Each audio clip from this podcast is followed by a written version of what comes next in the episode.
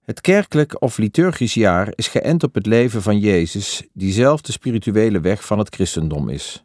Tegelijk is de diepte van deze kerkelijke traditie veelal onbekend. Het is een jaarlijkse pelgrimage, toegankelijk voor iedereen.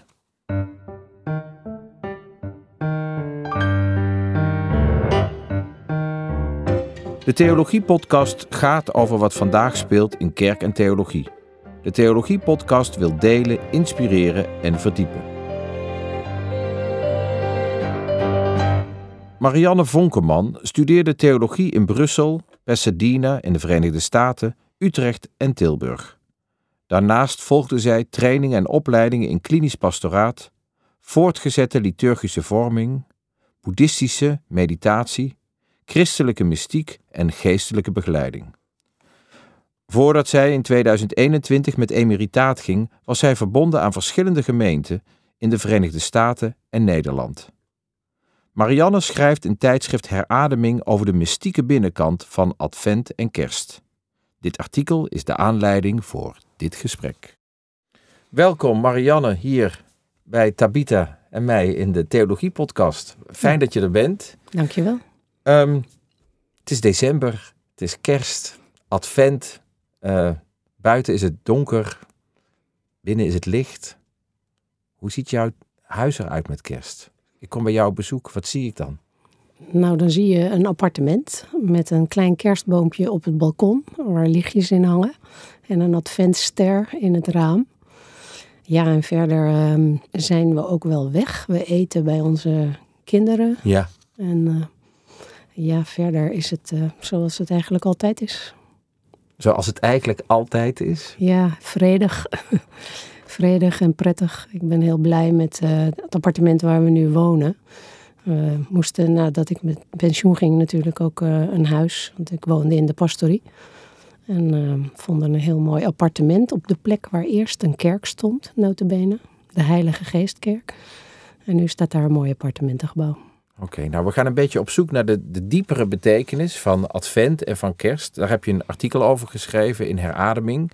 Um, die diepere betekenis heeft te maken, begrijp ik voor jou, met mystiek. Ja. Heb jij ooit zo'n ervaring gehad? Van? Nou, wat? mystiek. Wat, het, het heeft met ervaring te maken, met iets dat je beleeft. Um, Waar ja, moet ik dan aan denken? Voor mij is mystiek eigenlijk heel eenvoudig dat wat God uitwerkt. Wat je aan God beleeft. En dat is in zekere zin verborgen. Dat is soort de binnenkant van elk mens. En ik geloof wel dat je als persoon kan leren luisteren, dat je dat kan leren opmerken. En uh, eigenlijk is mijn hele leven lang daaraan gewijd. Om proberen te lezen, wat is God nou eigenlijk aan het doen? In mezelf, uh, maar ook in de mensen om me heen waar ik mee te maken heb. Klinkt heel groot en heel breed. Ja, Als ik dat het is het ook. klein maak naar een gebeurtenis of een moment. Nou, het is niet echt een moment, hè? Het is Nee? meer uh, nee, een soort stroom die door het leven gaat en waar je dan soms bewust van wordt, maar soms ook helemaal niet. Wil niet zeggen dat hij er dan niet is. Um, maar voor mij is het, um, ja, misschien. Ik denk van jongs af aan heb ik altijd al uh, een soort gesprek met God gevoerd. Vanaf dat ik heel klein was. Ik ben uh, gereformeerd opgevoed. En ik had een soort, denk ik, gevoel voor. Um, en dat voelde God dus dichtbij en je kan altijd met hem praten. Dus de kleine Marianne zat op haar fietsje en was met God aan het praten. Ja, zoiets. In gedachten of, of sprak je dat uit? Nee, gewoon in gedachten natuurlijk. En wat zei je dan tegen Nou, God? bijvoorbeeld, ik herinner me toen ik nog echt klein was, dat ik uh, over vuilnisbakken heen ging springen, want die stonden toen nog gewoon aan de weg. En dat deed ik omdat ik medelijden met God had. Omdat ik dacht, ja, hij weet alles wat er mis is en wat er verdrietig is in de wereld. Dus ik wil hem blij maken. Ja, dat was gewoon een spontaan gevoel. Ja, ik weet ook niet, maar zo ging dat. Dus je sprong als een soort Ja, hertje over de vuilnisbakken in de hoop ik dat wilde God iets dat geks zag. doen, zodat God zou lachen. Ik, ja, toen was ik denk ik zes of zo. En kreeg je dan ook het beeld dat God lachte? Nou wel, ik, ik werd blij. En volgens mij betekent dat ook dat God blij werd.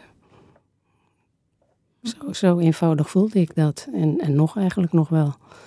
Ehm, dat is natuurlijk, eh, op toen ik tiener werd, werd dat ingewikkelder, weet je. En dan eh, komt de wetenschap erbij en hoe zit het dan met de Bijbel? En eh, ja, dat was even een tijd van zoeken. Maar op mijn zestiende leerde ik een uh, vriendin, een klasgenoot kennen. En die zat bij de Pinksterbeweging.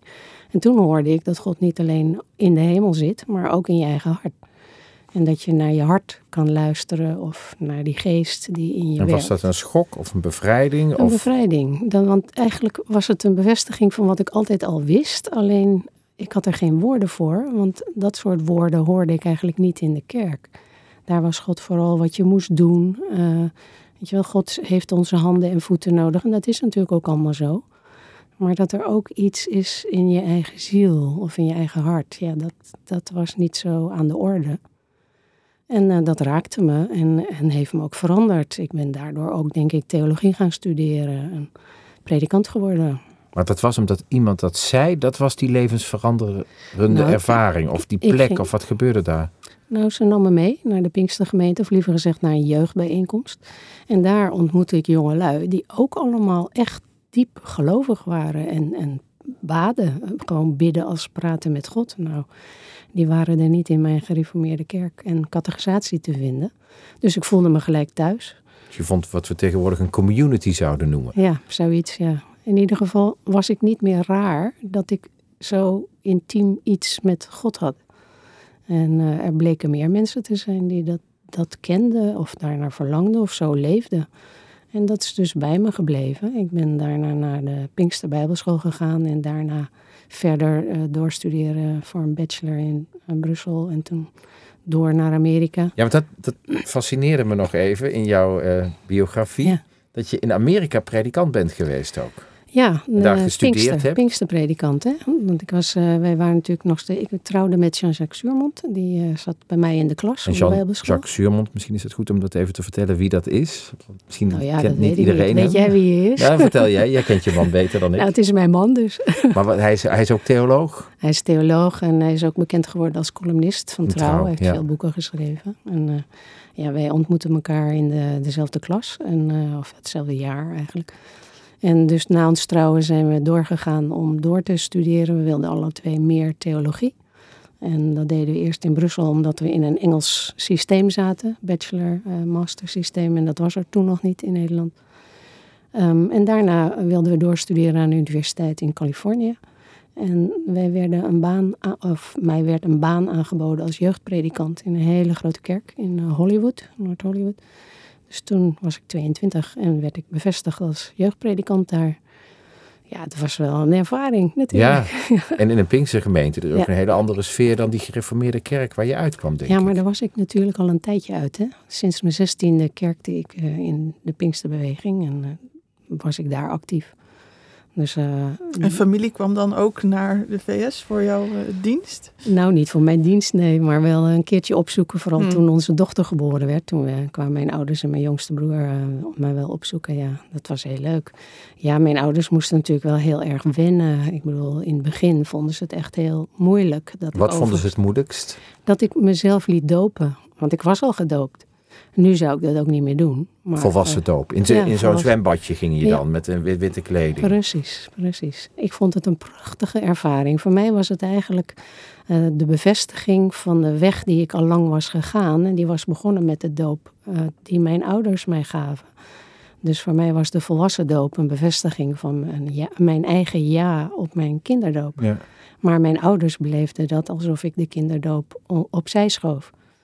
Nu denk ik, ja, het is toch prachtig dat je als kind gedoopt wordt, dat God al aan je vooraf gaat, voordat jij er zelf bewust van bent. Maar destijds eh, vond ik echt, ja, dat, dat staat in de Bijbel, dat moet zo. Ja, en, en ik, ik zit ook te denken dat, dat Pinkse geloof, althans misschien is dat een vooroordeel of heb ik dat fout, maar dat vind ik heel extravert. Het is naar buiten gericht. Het Calvinisme is wat meer naar binnen gericht. Ik weet niet of dat waar is. Eh, Nee? Nee, want kijk, de Pinksterbeweging is wel extravert in het uiten van hun emoties over de omgang met God. En eh, dat uitbundige praise, wat je Ja. natuurlijk eh, vooral opvalt. Aanbidding. Aanbidding, ja. Dus het heeft iets heel extraverts, maar tegelijkertijd wordt er naar binnen gekeken van, is de geest in jou aan het werk? En in hoezeer eh, kunnen de vruchten van de geest, zoals de Bijbel die noemt, kom- kunnen die in jou een plek vinden? Dus het heeft voor mij beide eigenlijk. Alleen vind ik wel, en dat is natuurlijk mijn eigen weg ook geweest, dat de Pinksterbeweging God weer opsluit in heel specifieke opvattingen Ja. over hoe God is en de geest is. Ja, en het leven zelf voert je uiteindelijk, denk ik, daar vaak uit. Dan ontdek je dat een heel aantal van die opvattingen die passen niet. Of eh, die Veel grote niet meningen de ook, werkelijkheid. Grote meningen over allerlei Ja. thema's, wat Ja, en ook zwart-wit. Weet Ja. je? De duivel en God zijn, staan ongeveer op dezelfde hoogte als tegenstanders. En eh, alles is eh, in hokjes en vakjes ingedeeld. En mijn beleving, en dat is dan misschien mystiek, die kwam, was altijd dat God nou juist al die vakjes en hokjes doorbreekt. Ja, en dat doet God ook in de feestdagen. Want het is eh, advent Laten en kersttijd. Laten we teruggaan naar waar Ja. we voor hiervoor bij elkaar zijn. Die zoektocht naar die diepere betekenis van kerst eh, ehm, en advent. Ehm, je stelt allereerst, er is een, dat noem je een liturgisch jaarritme. Dat er een soort, soort bedoeling is met al die feesten. Kun, Ja, kun je daar iets over vertellen? Ja, het is een, latere ontdekking van mij. hè. Ik ben eh, als gereformeerde en ook als pinkstergelovige niet liturgisch eh, a- eh, noem dat, opgevoed. Maar in de loop van de jaren ben ik, ik ben op een gegeven moment beroepen in een kerk en die had een hoge liturgie. Dus een, veel eh, rituelen en symbolen en heel veel aandacht voor het kerkelijk jaar. En toen ontdek- ontdekte ik dat dat kerkelijk jaar in feite een beschrijving is van wat God al lang aan het doen is in je eigen leven. Je gaat, ehm, ik begon eh, de, de feesten te herkennen als dingen die in mij werkten. Dus eh, ik begon te beleven dat hemelvaart niet alleen maar iets is wat Jezus meemaakte, maar dat in zekere zin wij dat ook kunnen meemaken. Dat ehm, wat je dan in de Bijbeltekst terugvindt als je hart is verborgen met Christus in God. Nou, hoe werkt dat dan? Je kan voelen dat je kan een soort meemaken in jezelf dat eh, iets van jouw eigen ikje verborgen raakt. Je kan er niet meer bij. Eh, je, je diepe zelf is eigenlijk in de handen van God en onaantastbaar. Niemand kan dat beschadigen, niemand kan dat doen kwijtraken. En, en, En dat feesten resoneert dat, zeg je. En, Nou, en dan het kerkelijk jaar, misschien goed om dat even hier te schetsen. Dat begint niet in januari. Dat begint met de advent. Ja. Het eerste, In- en dan gaat het het hele jaar door tot de laatste zondag van het kerkelijk jaar. Als in het protestantisme veelal de overledenen worden herdacht. Ja, ja. En zo daartussen zitten dan zeggen. De- feesten. ja, het kerkelijk jaar is natuurlijk al een uitvinding vanaf heel vroeg. Hè? In, Ja. het, eh, in, het, eh, de, in de christelijke traditie, nog voordat er protestanten waren. De katholieke, westerse katholieken hebben een liturgisch jaar wat begint met advent en eindigt met allerzielen en allerheiligen. Ja. Dus en dan de voltooiingszondag of de voleindingszondag. Dan worden niet de overledenen herdacht, maar dan wordt gevierd dat Christus koning is over de hele wereld. Is net een... Het is Andere eigenlijk accent. een voltooiing Ja. van het hele leven, Ja. van het hele bestaan. Hè? Dus eh, dat in de protestante traditie zijn die twee bij elkaar gekomen. In de katholieke traditie is dat uit elkaar getrokken. En in de Oosterse, Oosterse kerk is het nog weer anders. kerk, ja. Ja. Dus, Daar begint het eh, kerkelijk jaar niet met advent, maar met het, de geboorte van Maria. En eindigt en wanneer wordt Maria hemel- geboren? Op 8, eh, 8 september. Ja, 8 september. Dat is de feestdag van de geboorte van Maria. Hoe En- wordt dat gevierd? Ja, daar hebben ze hun eigen liturgie voor. Helemaal precies hoe ze dat doen, weet ik niet, want ik kerk daar niet. Maar eh, ik heb in ieder geval geleerd dat dat eh, het jaarritme bepaalt. Dus het leven van Maria is daar het ritme. En in de Westerse kerk is dat het leven van Jezus. En dat wordt herdacht over het hele jaar heen. En wat je zegt, advent. Je leeft naar kerst toe dat Christus wordt geboren. Heb je een periode eh, van epifanie. Dat is al heel snel na kerst. Dat je viert, ja, we gaan van God iets zien, namelijk in Jezus. De verschijning, toch? Ja, de verschijning van de heerlijkheid van God. Hè? Ja. De heerlijkheid van God, het prachtige van God. Dat kun je zien in Jezus. En dat vieren we met drie koningen, met eh, de bruiloft van Cana, eh, met eh, de doop van Jezus in de Jordaan. Dat zijn de drie epifaniezondagen. Nou, dan krijg je dat hij eh, met zijn werk begint, zijn openbare werk. En dan vieren we al heel snel, al heel snel gaan we weer naar Pasen toe, de 40 dagen voor Pasen. Dan krijg je Pasen. Hè? Hij sterft en dan na drie dagen staat hij op. En dan gaan we eh, door naar Pinksteren. En dan gaan we door naar de drie-eenheid De komst van de Heilige Geest. Ja, de komst van de Geest. Dus Jezus geeft de Geest met Pasen. En dat betekent, hij gaat dood, maar het betekent ook dat Pinksteren eraan komt. Namelijk dat hij die Geest geeft aan iedereen. Ja, eigenlijk ook als reactie op hemelvaart heb ik begrepen. Dus hij is niet, er komt iets terug. Het is niet de afwezigheid van Jezus wordt ingevuld met iets anders, de Heilige Geest. Ja, dat is hij zelf, maar Ja. dan als een Ja. geestelijke inspiratie, een spirituele inspiratie. En die wordt uitgestort over de hele wereld. Dus niet alleen maar in de kerk, maar die wordt over de hele wereld Ja. uitgestort. Dus dat is eigenlijk een manier om de verschillende dynamieken van hoe God werkt in een mens, om dat wat dichterbij te brengen bij je eigen leven. Daarom vieren we die, dat liturgische jaar. We gedenken het leven van Jezus, zodat wij in ons eigen leven dat ook een beetje kunnen gaan uitdrukken. Ja. Het werkt aan ja. ons. Ik vind altijd wel dat laatste stukje vanaf juni, dan gebeurt er niet meer zoveel, toch? Dan moeten we echt wel even wachten tot het advent De is. feestloze periode. ja, ja, ja, ik denk dat nou, nou gaan we op vakantie. Bijkomen van ja. al die eerdere feesten, Ja. toch? Ja. Toch? Ja. Of, of heb je, mis je, vind je niet dat er wat Nou, veel dat- tijd tussen zit Ik vind dan? dat juist wel heel erg Ja? mooi. Want dan, eh, dat is de zomer voor ons in ieder geval, hè, Ja. in onze eh, westerse sfeer. Ehm, en dat is, dat is de groene periode in de kerk, hè, want dan heb je ook nog kleuren bij. En dat is eigenlijk ook dat je op vakantie gaat. Je gaat erop uit. Je gaat eh, over grenzen heen. Je gaat eh, vrij uit leven vanuit wat je gegeven is met Pinksteren. En dat is een hele periode. Nou, dat vind ik echt prachtig. Het is net alsof God zegt van ik heb je alles gegeven. Ga er maar voor. ja. Ga er maar voor. En dan wordt het weer advent. En daar zijn we eigenlijk nu beland. Ja, voltooiing heb je eerst nog. Hè? Ja, voltooiing natuurlijk. Ja. Vanzelfsprekend, daar Ja, hadden we het over. Ja. precies. Maar nu is het advent bedoel ik. Nu zitten we in die advents-kerstperiode. Ja. Ehm, je zegt in die Oosterse orthodoxe traditie is Maria heel belangrijk. Ehm, en je maakt dan ook een verbinding met advent en kerst. Dat we eigenlijk dat weer een beetje in beeld moeten krijgen, ook in deze kerstperiode. Hoe zit dat precies? Ehm, ja, het zijn eigenlijk twee verschillende dingen. Maria in de Oosterse traditie is eh, niet alleen de moeder van God, hè, de Theotokos zoals ze genoemd wordt, de, de drager van Jezus, maar ze is ook beeld van de kerk en ze is beeld van de ziel, van de individuele ziel. Dus haar leven gaat steeds meer in de traditie, wordt steeds meer gelijkgetrokken met het leven van Jezus. Dus de Oosterse kerk heeft gezien, kijk, zij is de eerste die helemaal vol was van God. En zo in haar leven de zoon van God de wereld in kon baren.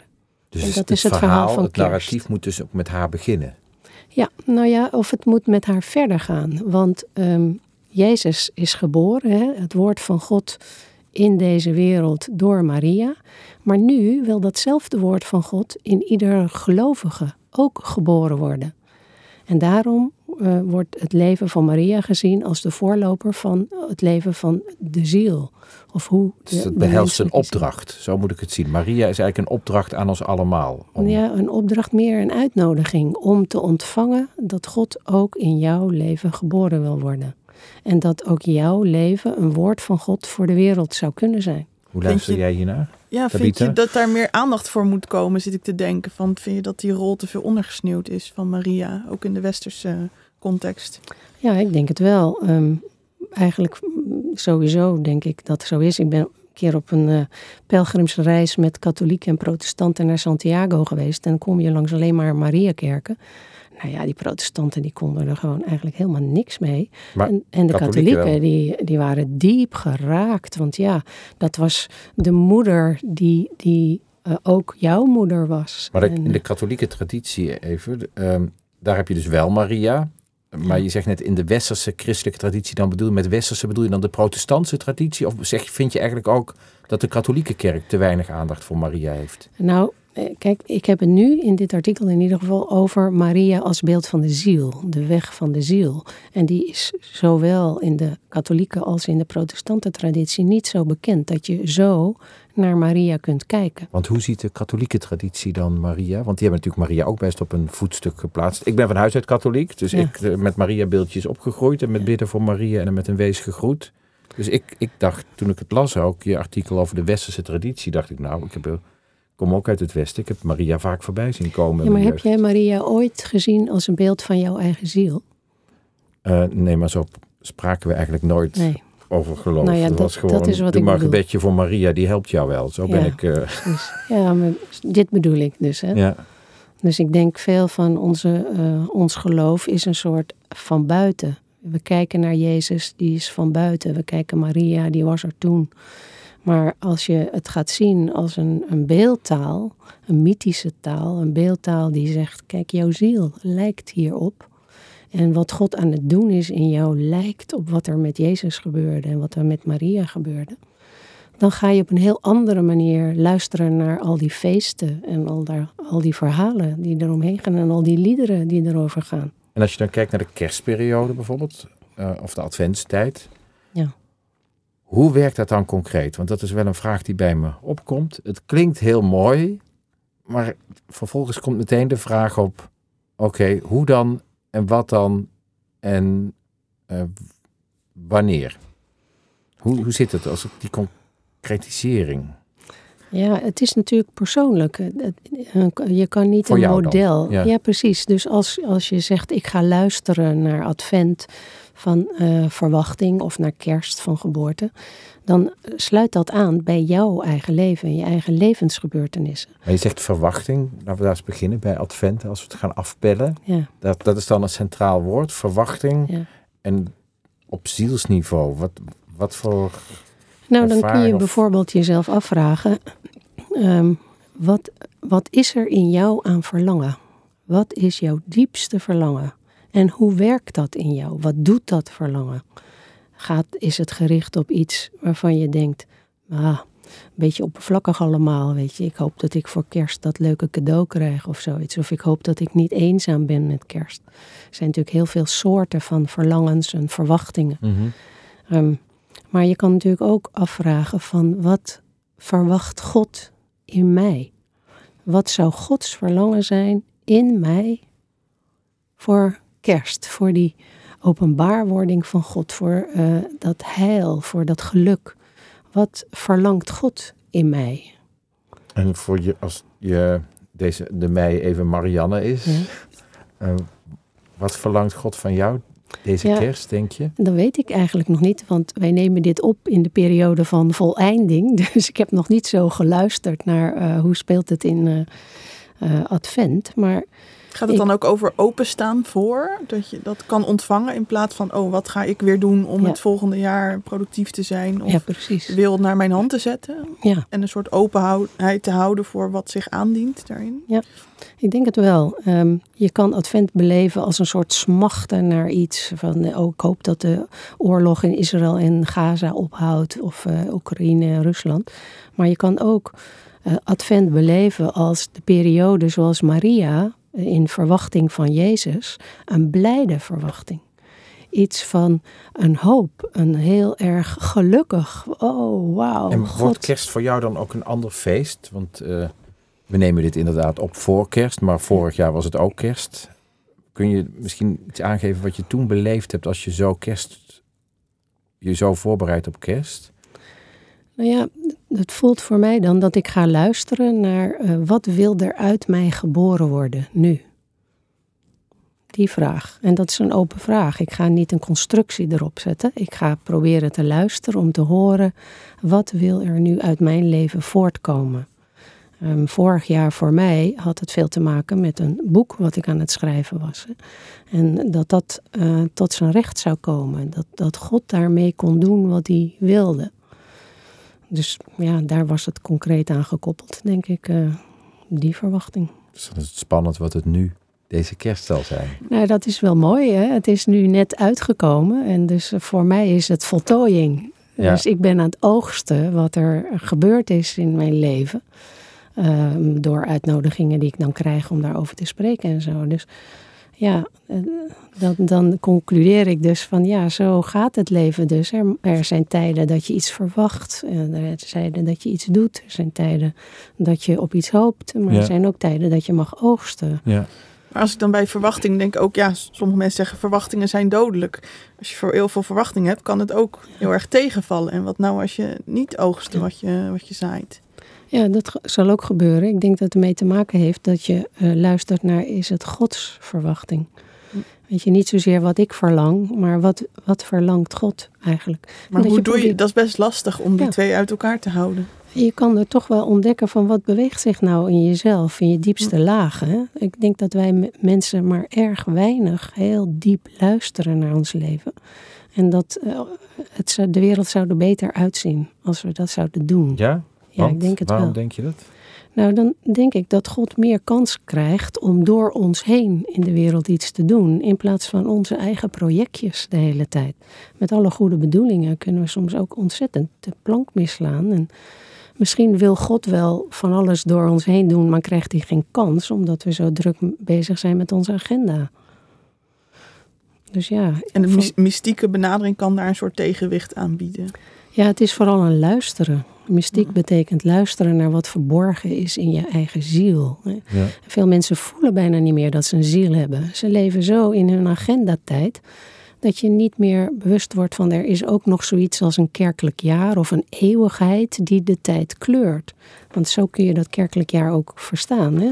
God die zelf onze tijd kleurt met een bepaalde dynamiek, met een bepaalde werking. En het kerkelijk jaar wil da- daar vorm aan geven. Dat is natuurlijk over duizenden jaren gegroeid. Maar dan ga ik even op, het andere been staan. Ik probeer me voor te stellen dat iemand hier naar luistert die, die hier helemaal niks mee heeft. Eh, en dan vraag ik me toch af, wat zou zo iemand voor vraag aan jou stellen? Want ik kan me voorstellen dat er iemand, zo iemand zegt, ik begrijp niet wat je bedoelt. Ja, dan, dan zou ik ze uitnodigen, als je dat zou willen, als je überhaupt verlangen hebt Ja. om dat te begrijpen, voeg je dan in, in het kerkelijk jaar. Dus volg dat ritme en luister naar wat is de kleur van de tijd hier? En wat, eh, waar herken ik dat in mijn eigen leven?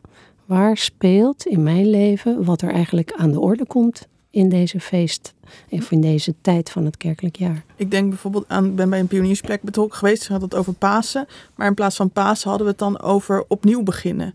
Over iets wat afsterft en daarna weer opstaat. En hoe dat in je eigen leven speelt. Ja, nou, dat is een mooi Misschien voorbeeld. zo- zo'n Ja. verbinding tussen een liturgisch jaar en Ja. Je eigen leven. Ja, precies. Ja, ik heb ooit eens een e-mailcategese gemaakt. Die heb ik nu op mijn eh, website staan. En dat eh, volgt het liturgisch jaar met ge- vragen om over jezelf na te denken. Nou ja, zoiets kan helpen. Maar het, het heeft er veel mee te maken dat je naar binnen wil luisteren naar als het waar is dat God werkt in de wereld. Wat wil hij dan in mij? Of wat is hij bezig te doen in mij?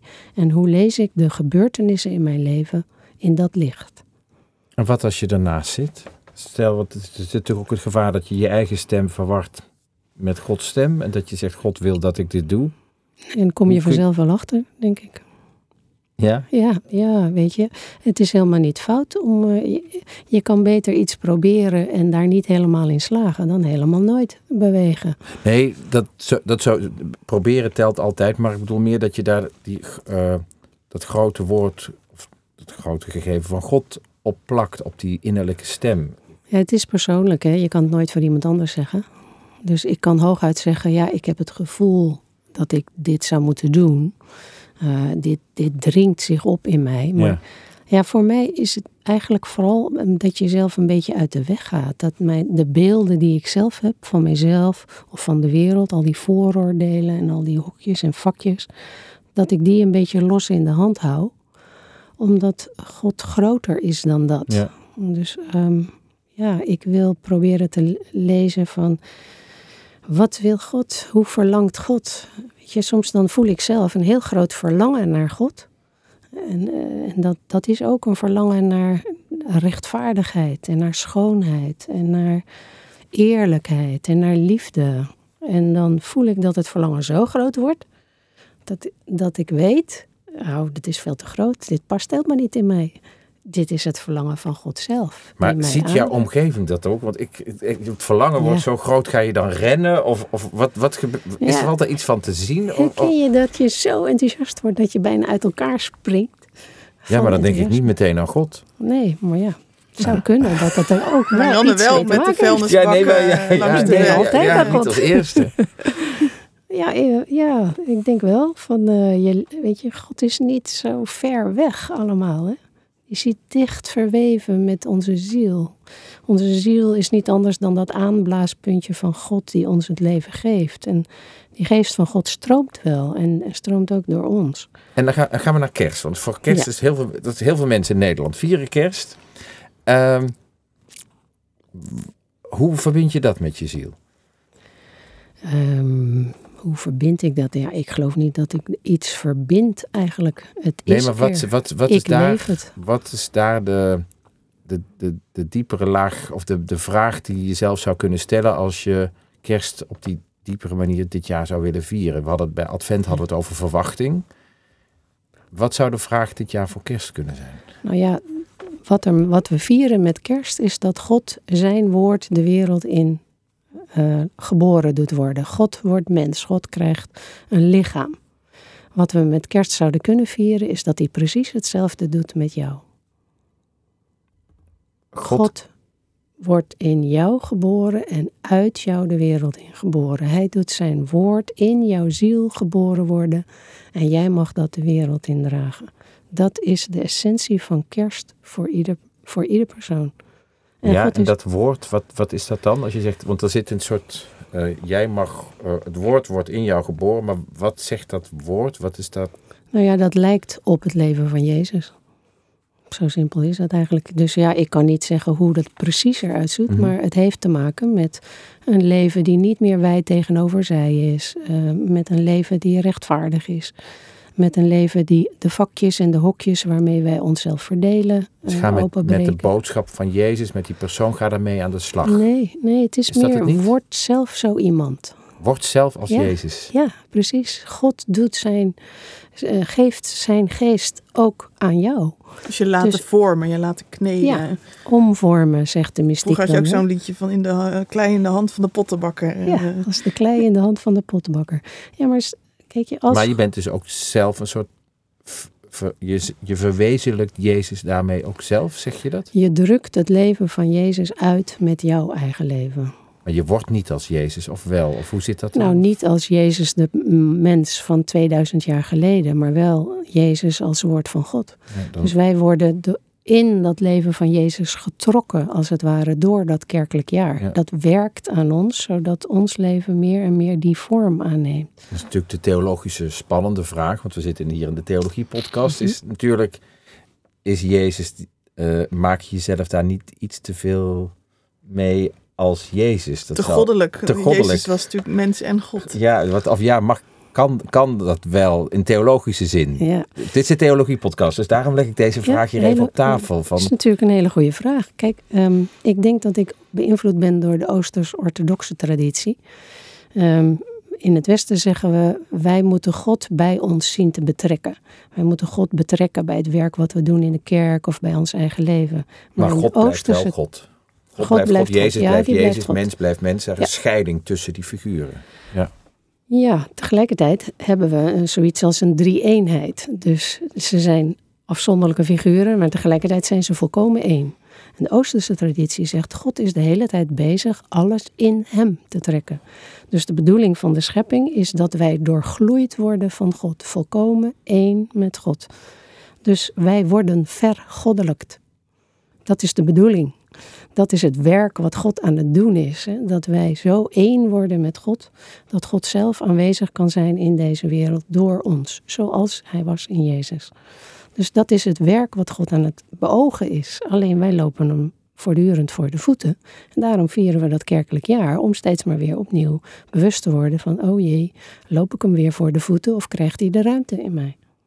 Het is een heel ander beeld dan dat echt klassiek Calvinistische protestantse mensbeeld waarin de mens mens is, zondig, voortdurend tekortschiet. En we uh, niet eens in de buurt kunnen komen en van niet, ja, precies. God is. Ja. Ja, Jij zegt eigenlijk God is dichtbij en je kunt jezelf in God Nou, wij kunnen dat niet, maar God kan ons wel. God kan ons trekken in Hemzelf. Wij kunnen niet God in ons trekken. Dat gaat natuurlijk niet. De oneindige God past niet. Um, in, in dat mystieke boekje wat ik citeer in het uh, artikel, dan wordt uitgelegd hoe uh, met kerst God ons uh, en advent ons vrijmaakt van beelden.